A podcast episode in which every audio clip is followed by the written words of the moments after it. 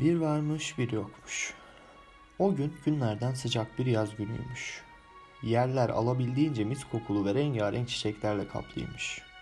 Çiçeklerin üzerinde vızıldayarak gezen arı ise neşe içindeymiş. Arı çiçeklerin üzerinde süzülürken birden papatyayı görmüş ve güzelliğine hayran kalmış. Arı papatyayı izleyerek uçarken çok yorulduğunu fark etmiş ve dinlenmek için bir ağacın dalına konuvermiş. O sırada yerdeki papatya hayranlıkla kendisini izlediğini fark eden arıya seslenmiş.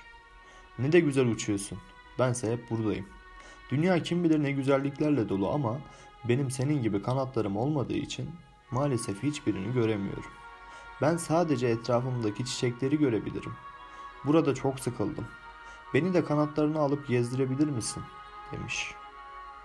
Papatya'ya bir anda kibirli kibirli bakmaya başlayan arı yanıt vermiş.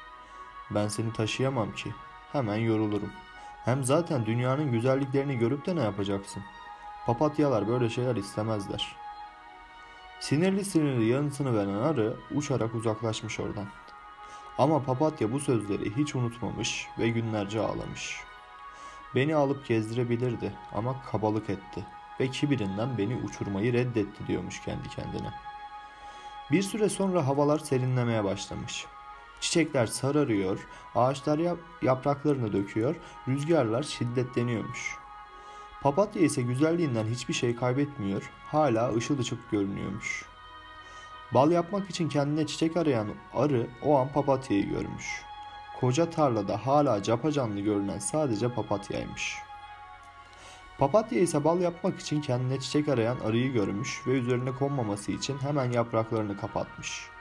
Bu duruma şaşıran arı bağırmış. Neden üzerine konmama engel oldun? Bal yapmam lazım demiş.